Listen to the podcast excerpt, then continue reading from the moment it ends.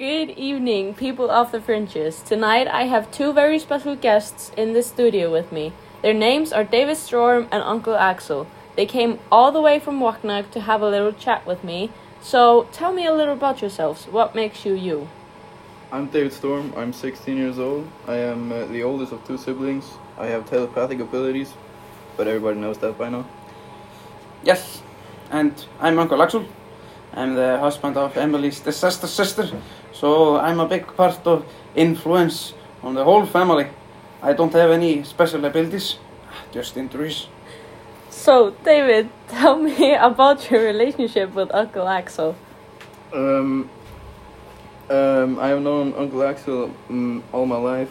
Uh, he lost his wife when she was in a Rico after a voyage east. He used to be a sailor uh, before his injuries, and now he lives with lives with us because he couldn't afford being on his own in his big house. It's hard for him um, to be on his own, both with injuries and Elizabeth. But what about his trust? Is he trustworthy with big secrets? Yes, he's a very trustworthy person, especially with big secrets. Uh, because when I told him about my telepathic abilities, he kept kept it as a secret and helped me hide from the others. So I wouldn't be so I wouldn't be obvious. He supports me than has more than half of the people around me around him so no matter what even even if even if they are somewhat different from other people i think that it makes him a better person all around But what about you, Uncle Axel? How would you describe your relationship with David? Well, I try to help everyone in, in, in trouble without doubt, David especially. He's a very big part of my life, and I treat him like my own son. After I heard that his father was abusing him a lot, I helped him with his telepathic abilities because I knew uh, that, that nobody would. Because if you live in Wagnuk, you you know that that the, the culture there is is that everyone has to be the same. They have to look uh, the the same and and have the same abilities. They can't be a bit more different that than the other because then everything would just go to hell. Excuse my language. But why did you tell David about life outside of Waknuk? I told him about life outside of Wagnuk because I've been there. I've seen a lot of places as a sailor, uh, and uh, and that has affected my life very much. I think it's important to to know that that it's out there when when no one knows for sure. I, for example, to don't know all all of the place and and how they look like and and what danger that they have and and that we have to be worried ab- about but I know some some of them so I told him about those places so if someone that we don't know would find out about the telepathic abilities he could run away and be safe Um, but after you found out about David and his telepathic abilities and his, and his telepathic friends, did you tell anyone about it? no no no no no not at all Why not? because I trust this boy as as if he were my son, and I respect him as if he were my son.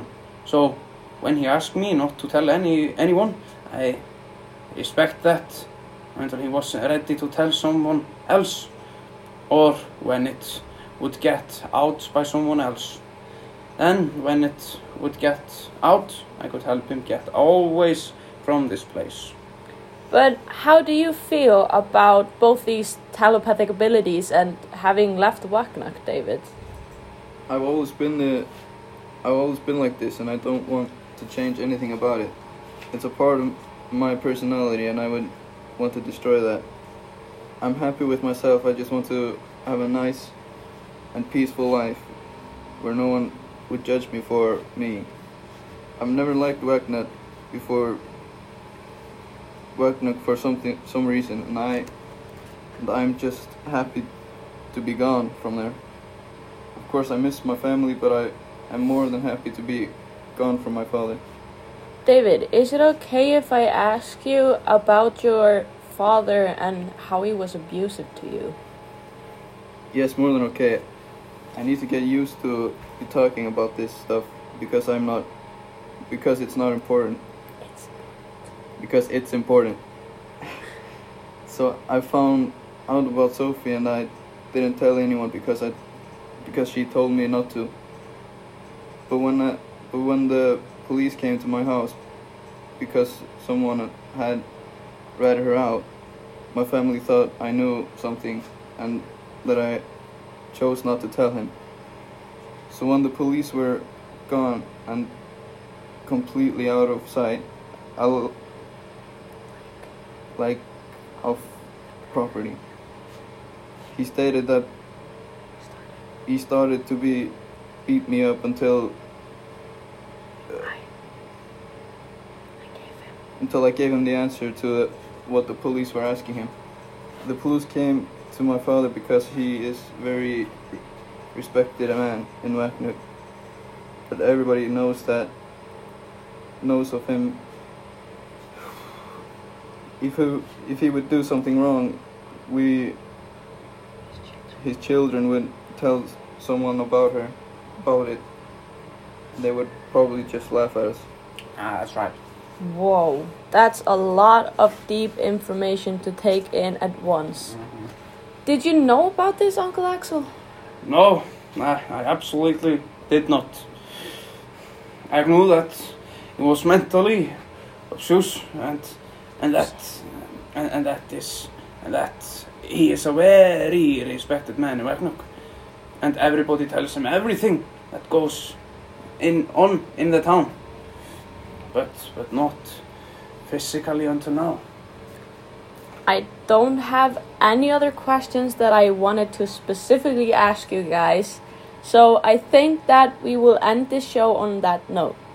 So thank you guys so so much for coming. Definitely thank you, thank you. Thank you. Yes. And to the people that are listening, if you want to watch the show, it will be on my YouTube channel as always, and we will continue in the next episode with Petra and Rosalind, which I think would be a very interesting show. So don't stay up too late, and good night. Bye.